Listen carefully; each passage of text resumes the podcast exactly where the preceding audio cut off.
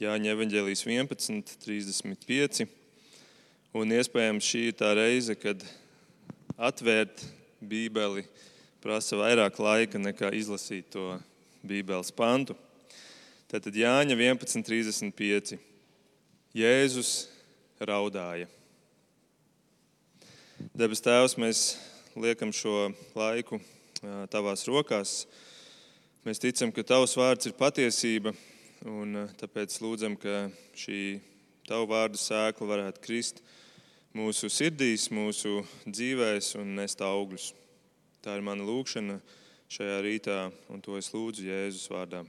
Amen. Ja es tev pajautātu, kas ir tavs mīļākais Bībeles pants, vai tev ir tāds viens Bībeles pants, kas tev nāk prātā, tad, kad eh, tev uzdod šo jautājumu, tāds viens, kas uzreiz um, ir atmiņā, ir sirdī, ir prātā. Tā, kad man bērnībā uzdeva šādu jautājumu, tad es ar pārliecību teicu, ka mans mīļākais Bībeles pants ir Romiešiem 8,31, kur ir teikts, ja Dievs ir par mums, kas būs pret mums. Tas galvenais iemesls, kādēļ es šo Bībeles pantu biju izvēlējies, bija tādēļ, ka tas ir tik īss. Bet es laikam biju palaidis garām šo Jāņa 11,35, šo īso divu vārdu pantu Jēzus raudāja. Tas ir īsākais pants Latviešu Bībelē. Un, labi, joki pie malas, bet varbūt ir arī labi šoreiz sākt ar tādu mazliet humoru, jo tālāk mēs šajā svētdienā dosimies lejup. Runāsim par raudāšanu, runāsim par asarām, kāpsim lejup, varētu teikt, tādā tumšā ielā. Bet tumsa ir nepieciešama pirms nāk Ziemassvētki. Bez tumsas nebūtu redzama Betlēmas gaisma, Betlēmas zvaigzne. Bez tumsas nebūtu vajadzība pēc gaismas. Un bez asarām nebūtu prieka, mēs to nespētu novērtēt. Tādēļ par šo tēmu šodien mēs vēlamies domāt. Domāsim par to, kad Dievs raud. Kad Dievs raud.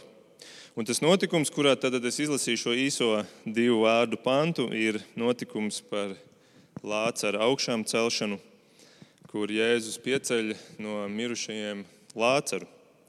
Un es vēlos tagad sākumā ar jums kopā izlasīt šo stāstu. Um, es lasīšu ar, ar kādiem robiem, bet um, mēģiniet ieiet tajā ainā, tajā vietā, tajā laikā ar savām domām. Tātad tas ir Jāņa 11. nodaļa, sākot no 1. panta.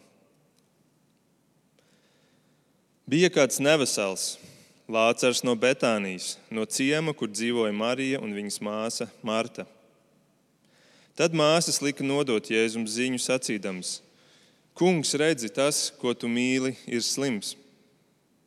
Jēzus to dzirdējis, teica: Šī slimība nav uz nāvi, bet dievam par godu, lai dieva dēls ar to tiktu pagodināts.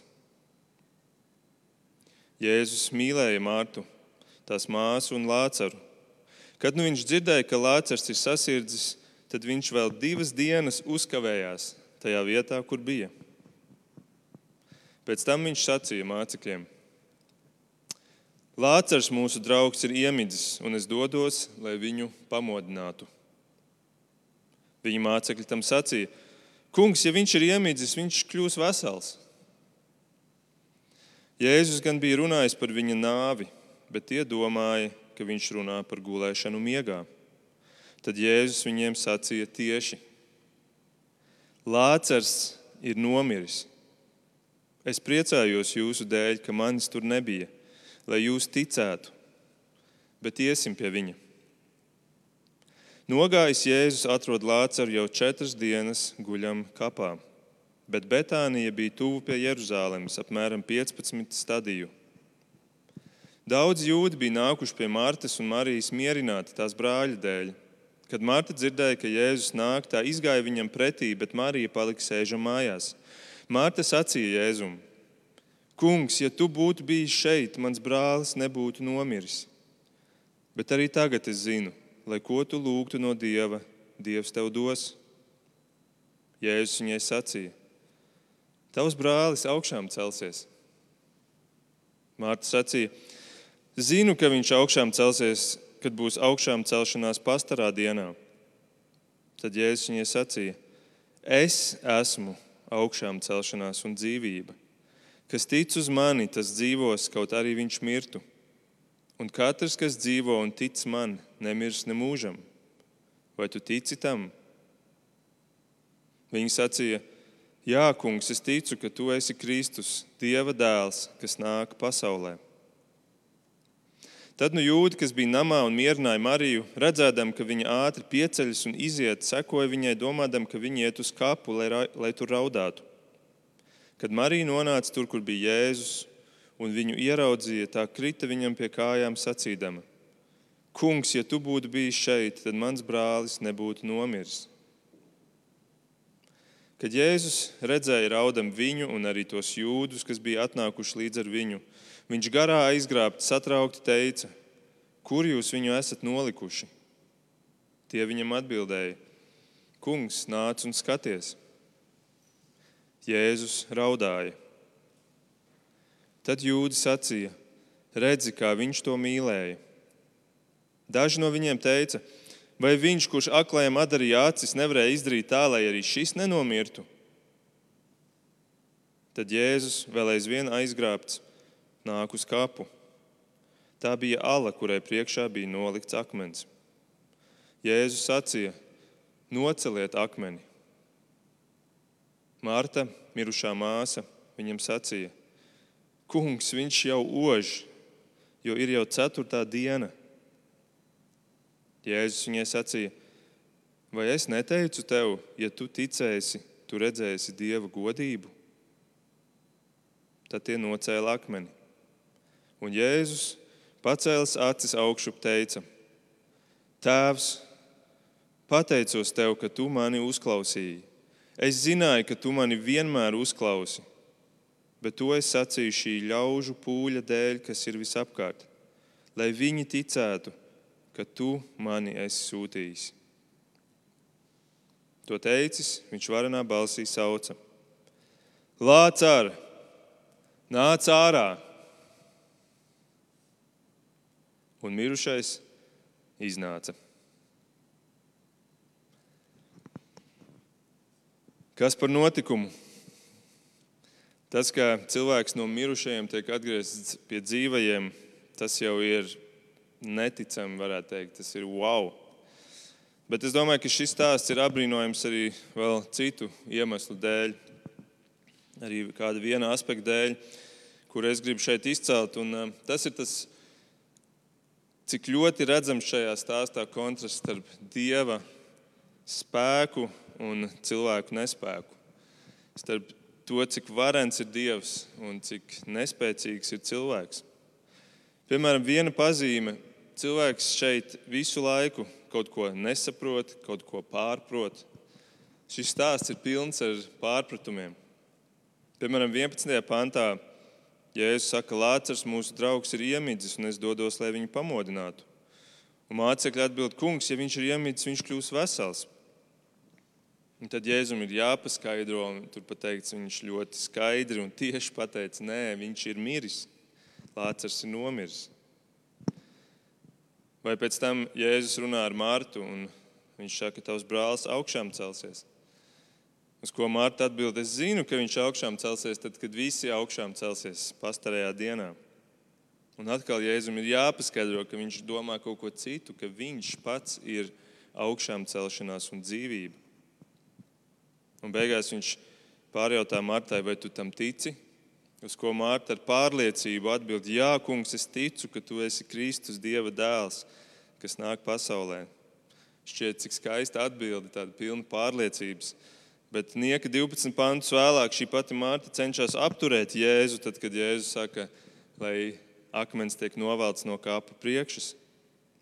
Viņa mēģina atturēt, viņa saka, kungs, viņš jau ož.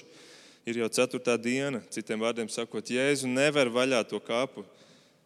Tajā ir tikai nāves atliekas.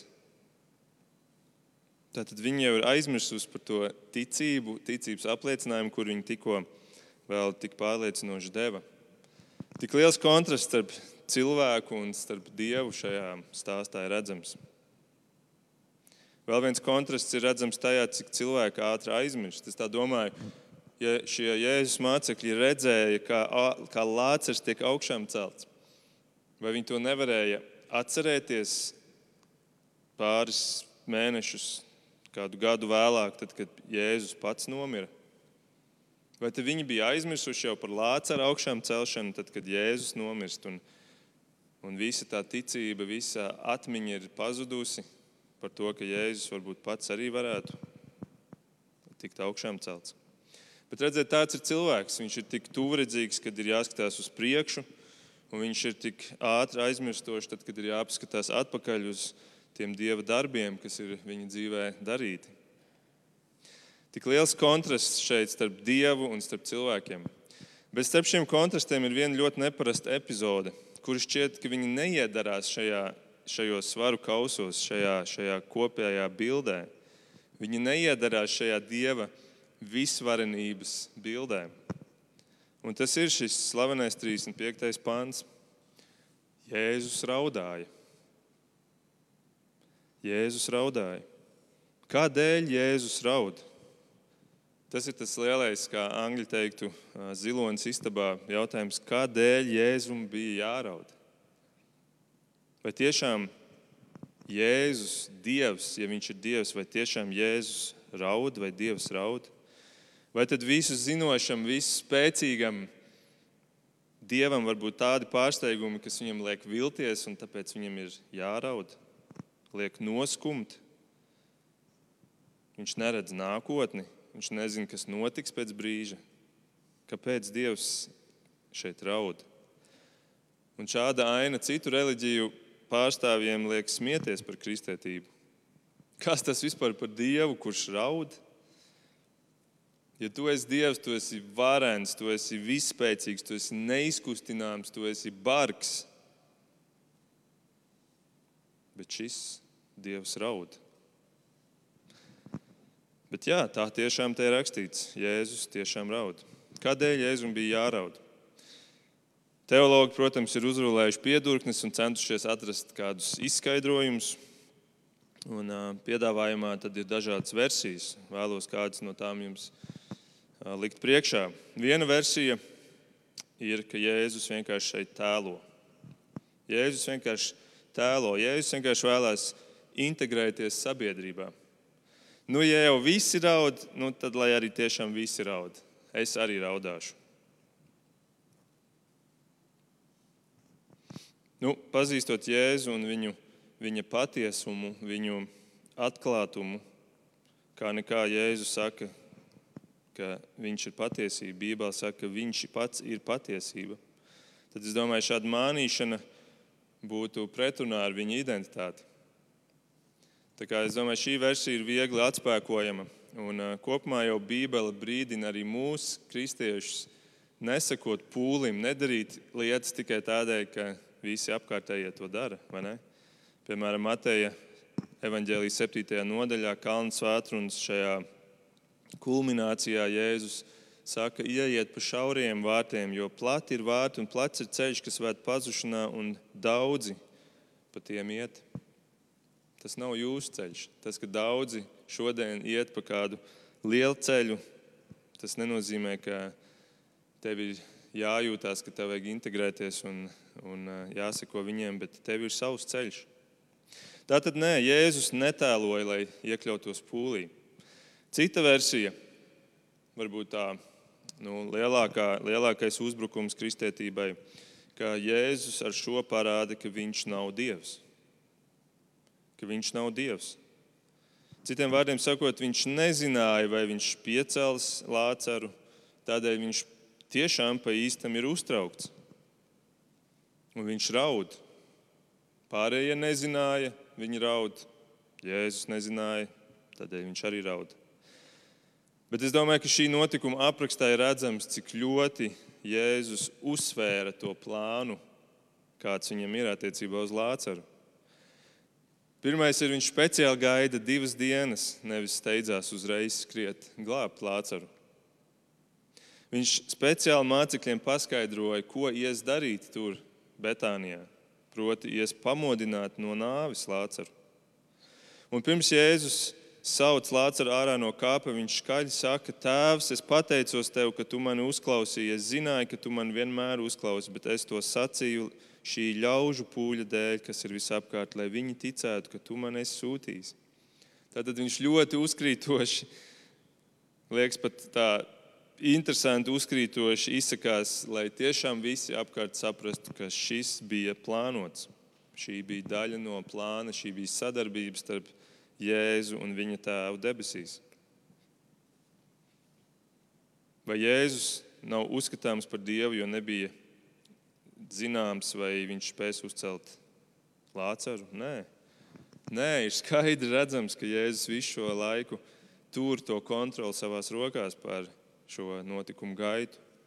Jēzum ir pilna kontrole. Jēzus ir Dievs, Jēzus ir suverēns Dievs. Un tā mācība mums šajā versijā ir tā, ka mums ir jāuzmanās no tām mācībām, kuras arī mums saka, ka nu, Dievs jau īsti nezina, kā viss atrisināsies vēsturē.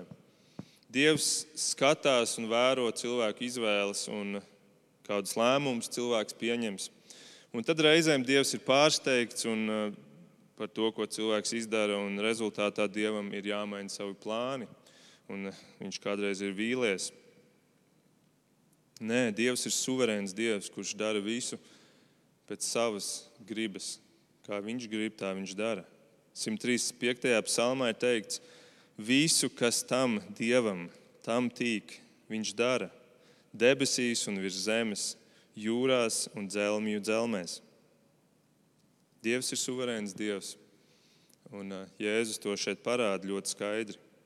Tad arī šī versija ir noliekama malā. Vēl viena versija, nu, ka Jēzus vienkārši ir emocionāls cilvēks. Nu, tāds emocionāls dienvidnieku puisis. Nu, šajā brīdī mazliet pazaudēja to kontroli pār emocijām, sajūtas ņem virsroku un un uh, gūst virsroku pār vēso prātu. Bet vai tiešām mēs pazīstam Jēzu tādu? Vai drīzāk mēs neredzam, ka Jēzus vissaspringtākajās dzīves situācijās parāda citu uzvedību? Viņš nesabrūk zem milzu spiediena, kad viņš runā ar Pilātu, Ponciju Pilātu, kurš šī saruna ir burtiski dzīvības un nāves jautājums viņam. Viņš nesāk raudāt, tad, kad priesteri nakts vidū viņu netaisnīgi pratina. Viņš nekļūst pārlieku emocionāls, tad, kad jūda atnāk un spiež viņam nāvis skūpstu uz vaiga. Vai pat karājoties pie krusta, Jēzus saglabā mieru, ļauj prātam turēt virsroku un pat no turienes vēl sludina Dieva taisnību un patiesību. Jēzus zināja ar prātu, kas ir Dieva griba, tādēļ viņš bija stiprs arī savās emocijās. Un viņš mums ir paraugs šajā ziņā. Nesabrukt, tad, kad sajūtas tevi spiež, tad, kad emocijas grib pārņemt kontroli. Bet ticēt, ticēt ar to prātu, kurš, kuru mēs pildām ar Dieva apsolījumiem. Tāpēc Bībele atkal un atkal aicina mums augt atziņā lai mēs varam ticēt un atcerēties šajos brī, dzīves brīžos par viņa apsolījumiem. Piemēram, 2. pētera vēstulē, 1. nodaļā teikts, tādēļ pūlēties, lai jūs ticību vienotu ar tikumu, tikumu ar atziņu, atziņu ar savaldību. Atziņa tā spēlē šo ļoti lielo lomu mums, kā kristiešu izaugsmē, Ir cilvēcīgi, protams, izrādīt emocijas, par to nav runa šeit. Tas pieder pie cilvēka dabas. Taču ir brīži dzīvē, kad ir jāspēj uzticēties tam, ko tu zini par Dievu, nevis tam, kā tu jūties šajos apstākļos, kuros tu esi. Un patiesībā Lācis stāstā Jēzus pats to arī izdzīvo. 14. un 15. pantā Jēzus saka mācekļiem, Lācis ir nomiris, es priecājos jūsu dēļ ka manis tur nebija, lai jūs ticētu. Tātad šie divi dīvainie teikumi, teikumi blakus viens otram. Lācars ir nomiris, es priecājos. kā Jēzus varēja priecāties. Viņš priecājās tāpēc, ka viņš zina, ko labu nesīs šis notikums. Tādēļ nē, Jēzus emocionalitāte nebūtu izskaidrojums šeit Jēzus raudāšanai. Un tā nu pēdējā versija šodienai. Es ticu, ka Jēzus raudāja, jo aiz tās fiziskās nāves viņš redzēja to garīgo, to mūžīgo nāvi, kādu cilvēks piedzīvo, kad viņš nomirst bez Kristus. Kamēr Marija un Marta un pārējie jūdi raudāja par Lācara fizisko nāvi, es ticu, ka Jēzus redzēja cilvēku garīgo nāvi. Viņš redzēja, uz ko ir spējīga nāve, uz ko ir spējīga mūžīgā, garīgā nāve. Viņš redz šo nāves varu, viņš redz šīs garīgās nāves spēku. Viņš redz šīs garīgās nāves apetīti, ar kuru cenšas sevi apmierināt, burtiski ēdot cilvēku tūkstošus. Katru dienu šodien nomirst ap 160 tūkstoši cilvēku. 160 tūkstoši cilvēku aiziet no laika mūžībā. Cik no viņiem nomirst garīgi uz visu atlikušo mūžu?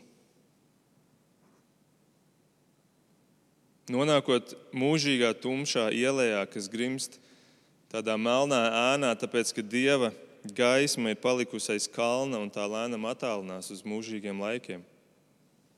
Cilvēkam paliekot baisā ellē, kurā ir nonācis tur, tāpēc ka pats to sev ir izvēlējies. Palicis ar to, ko šajā dzīvē pats ir sev izvēlējies, dieva prombūtni. Izvēlējies to neatkarību, brīvību no dieva vēlmi būt pašam sev dievam par savu dzīvi. Un kad Jēzus redz šīs sekas šīm izvēlēm, tad viņš raud. Jēzus asars ir dieva empātija pret mūžīgām būtnēm cilvēkiem. Kad Jēzus redz šīs mūžīgās nāves vāru, viņš raud. Viņš redz to neizdzēšamo uguni, viņš zina, dzird to zobu trīcēšanu un vaimanas, kuras nepaliks klusākas. Un caur lācaru nāvi, caur šīm apkārtējo skumjām Jēzus, es ticu, redz to mūžīgo nāvi un viņam ir jāraud. Un kas tā ir par nāvi, ka pat dievam ir jāraud? Jēzus Bībelē raud trīs reizes. Viņš noteikti ir raudājis biežāk, bet Bībelē apraksta trīs epizodes, kur viņš ir raudājis. Pie Lācara kapa ir viena, un tad ir vēl divas citas. Un visās šajās trīs vietās es ticu, ka iemesls ir tas pats, ka Jēzus redz to garīgo nāvi. Viena no tām epizodēm ir Lūkas 19. nodaļa. Lūkas evanģēlīja 19. nodaļa, kur Jēzus nonāk pie Jeruzalemes, redz Jeruzalem tālumā. Es vēlos nolasīt šos dažus pantus. Kad viņš pienāca tuvāk pilsētai, tad Jēzus pienāca tuvāk Jeruzalemē. Uzlūkojis to, viņš sāka raudāt, sacīdams: Ak, kaut tu šodien būtu sapratusi, kas nes tev mieru, bet tas vēl ir apslēpts tavām acīm. Nāks dienas pār tevi, kad tavi ienaidnieki cels ap tevi nocietinājumus, tevi ielenks un spiedīsies uz tevi no visām pusēm. Tie notrieks tevi zemē un tavus bērnus, kas ir tevī, un neatstās akmeni uz akmens. Tādēļ, ka tu neapzinājies laiku, kad Dievs tevi apmeklēja. Vai Jēzus šeit raud par akmeņiem, vai viņš raud par būvēm? Nē, Jēzus raud par cilvēkiem kuri neapzinās, kurp viņi dodas, kuri neapzinās, kas ir šī dzīve un kas būs tā dzīve, kas sekos pēc tam, otrā dzīve. Es ticu, ka Jēzus šeit raud par cilvēkiem, kuri visu savu skatu ir pievērsuši šodienai, šejienai. Kā iekārtot savu māju labāk, kādā krāsā divānu pirkt, cik lielu televizoru ņemt, kā strādāt ilgāk un vairāk, lai varētu nopirkt vēl lielāku televizoru. Tie visi ir akmeņi, tas viss ir nedzīves mantas, tas viss ir tik īslaicīgs, tas viss pāries un paliks pāri tikai dvēsele. Dvēsele, kurai nebija laika paskatīties uz Dievu, kurš ir devis tev dzīvību, kurš tev ir žēlojis visu dzīvi, kurš nav tev devis to, ko tu esi pelnījis, proti, nāvi par saviem grēkiem. Kurš nav vienaldzībā pagriezis muguru tev vienaldzīgajam, bet kurš no saviem augstumiem ir pazemojies tik zemu, ka kļuvis tāds kā tu, lai tu spētu ieraudzīt viņu savām acīm, lai tu spētu dzirdēt viņu ar savām ausīm un saprast viņu vārdus, un saprast to, kurš ir tas, kurš tev ir atnesis šo mieru. Bet tu to negribēji. Tev tam nebija laika, tu labāk skrēji pakaļ saviem akmeņiem. Tu neapzinājies laiku, kad Dievs tevi apmeklēja. Līdz brīdim, kad ir par vēlu, un par to pat Dievam ir jāraud. Par to pat Dievam ir jāraud. Ziniet, tas ir viens no iemesliem, kādēļ Jēzus tik daudz runā par elli. Daudz, daudz vairāk nekā šodien sludinātāji kristīgās baznīcās runā par šo tēmu. Jēzus patiesībā vairāk runā par elli nekā par ticību un mīlestību kopā. Jo viņš zina, kas tā ir. Viņš zina, kas ir šī elle. Tu un es, mēs to vēl nezinām, mēs to nespējam iedomāties. Bet tā ir mūžīga tumsa, tās ir mūžīgas bailes, tas ir mūžīgs nemieris, mūžīgs emocionāls, un garīgs un fizisks trauksmes stāvoklis. Tas ir kaut kas tāds, kas pat nebija radīts cilvēkam. Bībelē ir teikts, ka elle bija sagatavota vēlnam un viņa eņģeļiem. Tā ir tik baisa vieta un tik baisa stāvoklis, ka tas tika sagatavots ne cilvēkam, bet vēlnam un viņa eņģeļiem. Bet šis vēlns un viņa eņģeļi ir apmānījuši cilvēkus. Ar visām tām laicīgām lietām un mantām, ar visiem tiem algdieviem, kuriem ir jādzenās pakaļ. Ar visiem tiem, piedodiet, pārējošajiem mēsliem, kurus cilvēks sev krāja mājās un, man, un kabatās. Un pat Ziemassvētkos dzenās vairāk pakaļ mantām nekā mēģina apstāties un ieraudzīt, ka ir ieradies šis garīgo mantu devējs, Jēzus Kristus, Dievs. Un beigās cilvēks atrodas vietā, kurā ir kopā ar šo vēlnu un dēmoniem, kurā viņš vairs nav atšķirīgs no vēlna un viņa dēmoniem. Jo viss atšķirīgais ir jau paņemts prom, paliek tikai tava motivācija, kur izrādās nav atšķīrusies nemaz no vēlna un viņa dēmoniem. Un otrā pusē paliek Jēzus ar asarām acīs. Ir vēl trešā Bībeles vieta, kur Jēzum ir asars acīs. Tā ir minēta ebreju vēstulē, vēstulē ebrejiem 5. nodaļā, 7. pāns. Kad Kristus savas zemes dzīves dienās ar skaļu kliekšanu un asarām raidīja daudz lūgšanu un saucienu pēc palīdzības tam, kas viņu spēja izglābt no kā? No nāves. Viņš tika uzklausīts savas padavības dēļ. Tātad šī tā aina, kur Jēzus raud ģecemanas dārzā, īsi pirms savas nāves. Vai viņš raud, jo viņam ir bail no fiziskajām sāpēm? Es nezinu, iespējams. Bet es esmu drošs, ka viņš daudz vairāk nekā par fiziskajām sāpēm šeit domā par tām garīgajām sāpēm, par to garīgo nāvi, ar kuru viņam to būs jāstājas aci pret aci. Viņš nekad nav stājies pretī nāvei. Viņš nekad nav stājies pretī nāvei ar grēka somu uz muguras. Šie tā ir tik negodīga cīņa. Šis mons, šis cilvēka ēdājs, tūlīt stāvēs viņa priekšā. Kā tas ir to darīt? Kā tas ir nest šo grēku, daudzu cilvēku grēku un stāties pretī šai, šai nāvei? Ar šo nastu stāties pretī šim asinskārajam briesmonim nāvei. Ziniet, kā tas ir? Tieši tā, kā mēs tikko lasījām. Es vēlreiz nolasīšu. Tas ir tā, ka Dieva dēlam ar skaļu kliekšanu un ar asarām bija jāraida daudz lūgšanu un saucienu pēc palīdzības tam, kas viņu spēja izglābt no šīs nāves.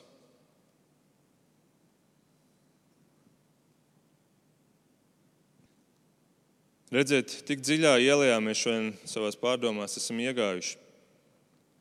Jūs redzat to tumsu, jūs redzat šo ielai, kurā izšķirās tik daudz cilvēku mūžības. Tumša, baisa ielai.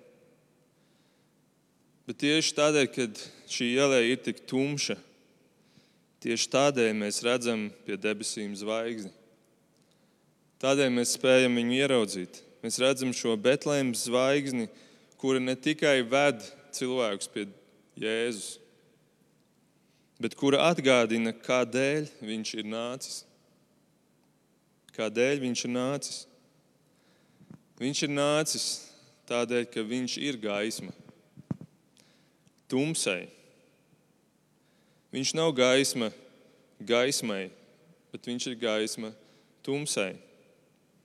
Viņš ir gaisma tiem, kuri atzīst, ka viņi atrodas tumsā.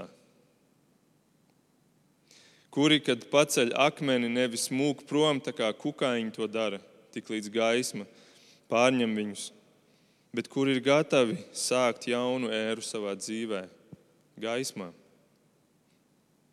Kur ir gatavi pagriezt savas dzīves pulksteni atpakaļ uz nulli, tā kā Jēzus piedzimšana to izdarīja pasaules kalendārā.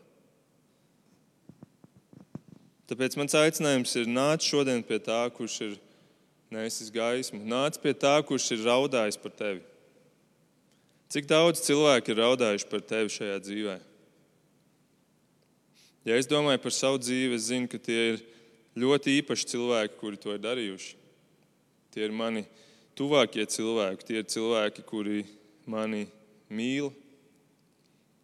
Cik daudz cilvēku ir raudājuši par tevi šajā dzīvēm? Zini, ka Dievs kļūst par cilvēku, lai viņš arī spētu liet īstas asaras par tevi. Tu viņam rūpi, viņš tevi mīl. Kristētība patiesībā ir vienīgā reliģija, kurā Dievs pazemojas un raud par cilvēkiem.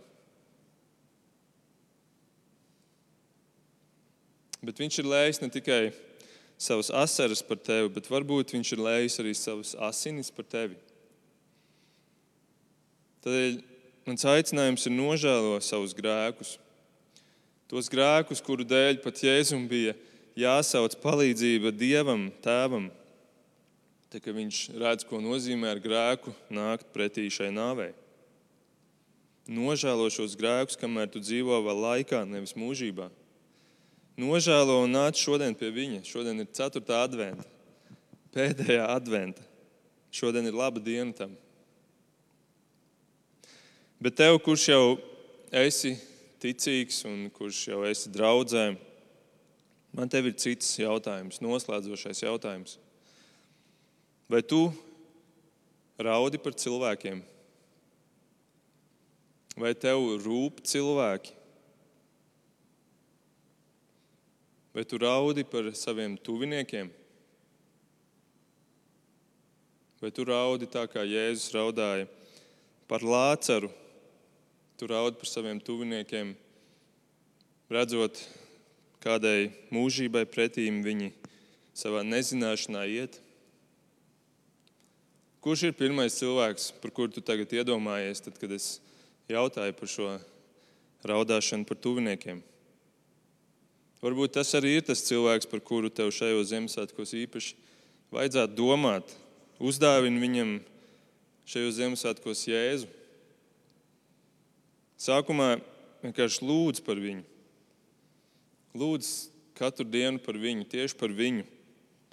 Lūdz par to, ka tev būtu iespēja viņam liecināt, bet arī viņš savā ikdienā ejot cauri šim vēl adventa un Ziemassvētku laikam, ka viņam būtu situācijas, kurās viņam būtu jādomā par šīm mūžīgajām vērtībām. Lūdzu, tas ir sākums tam, bet lūdz par viņu. Un varbūt uzaicini viņu arī uz dievkalpojumu. Kā jau es minēju, ievadā šis ir ļoti labs laiks, kurā cilvēki ir atvērtam. Bet lai tā ir tā tava raudāšana par taviem tuviniekiem, sāc ar lūgšanu. Lai Dievs palīdz tev un man savu laiku šeit gudri izmantot. Un, ja kāds jums jautā, kas ir tavs mīļākais Bībeles pants, un tu nevari atcerēties nevienu uz sitienu, tad atceries šo, ka Jēzus raudāja. Lūksim Dievu.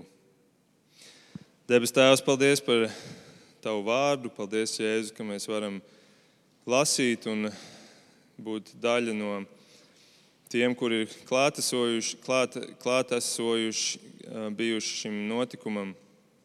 Un, eh, kaut arī varbūt citā laikā un eh, ne fiziski klāt, bet tomēr mēs redzam to lielo dziļumu šim notikumam. Mēs redzam, Kungs, Jēzu, cik tu esi varants, liels Dievs, un tomēr tu raudi par cilvēkiem. Paldies, Kungs, Jēzu, ka sekojot tev, tu ved cilvēkus uz vietu, kurā vairs nebūs asaru, kurā vairs nebūs jāraud, nebūs jāraud cilvēkiem, un arī tev vairs nebūs jāraud. Es tev lūdzu par katru, kurš klausās šodien, un ka katrs varētu paņemt sev to, kas ir vajadzīgs viņam, viņa dzīvē, lai tā būtu jēdzīga, piepildīta dzīve.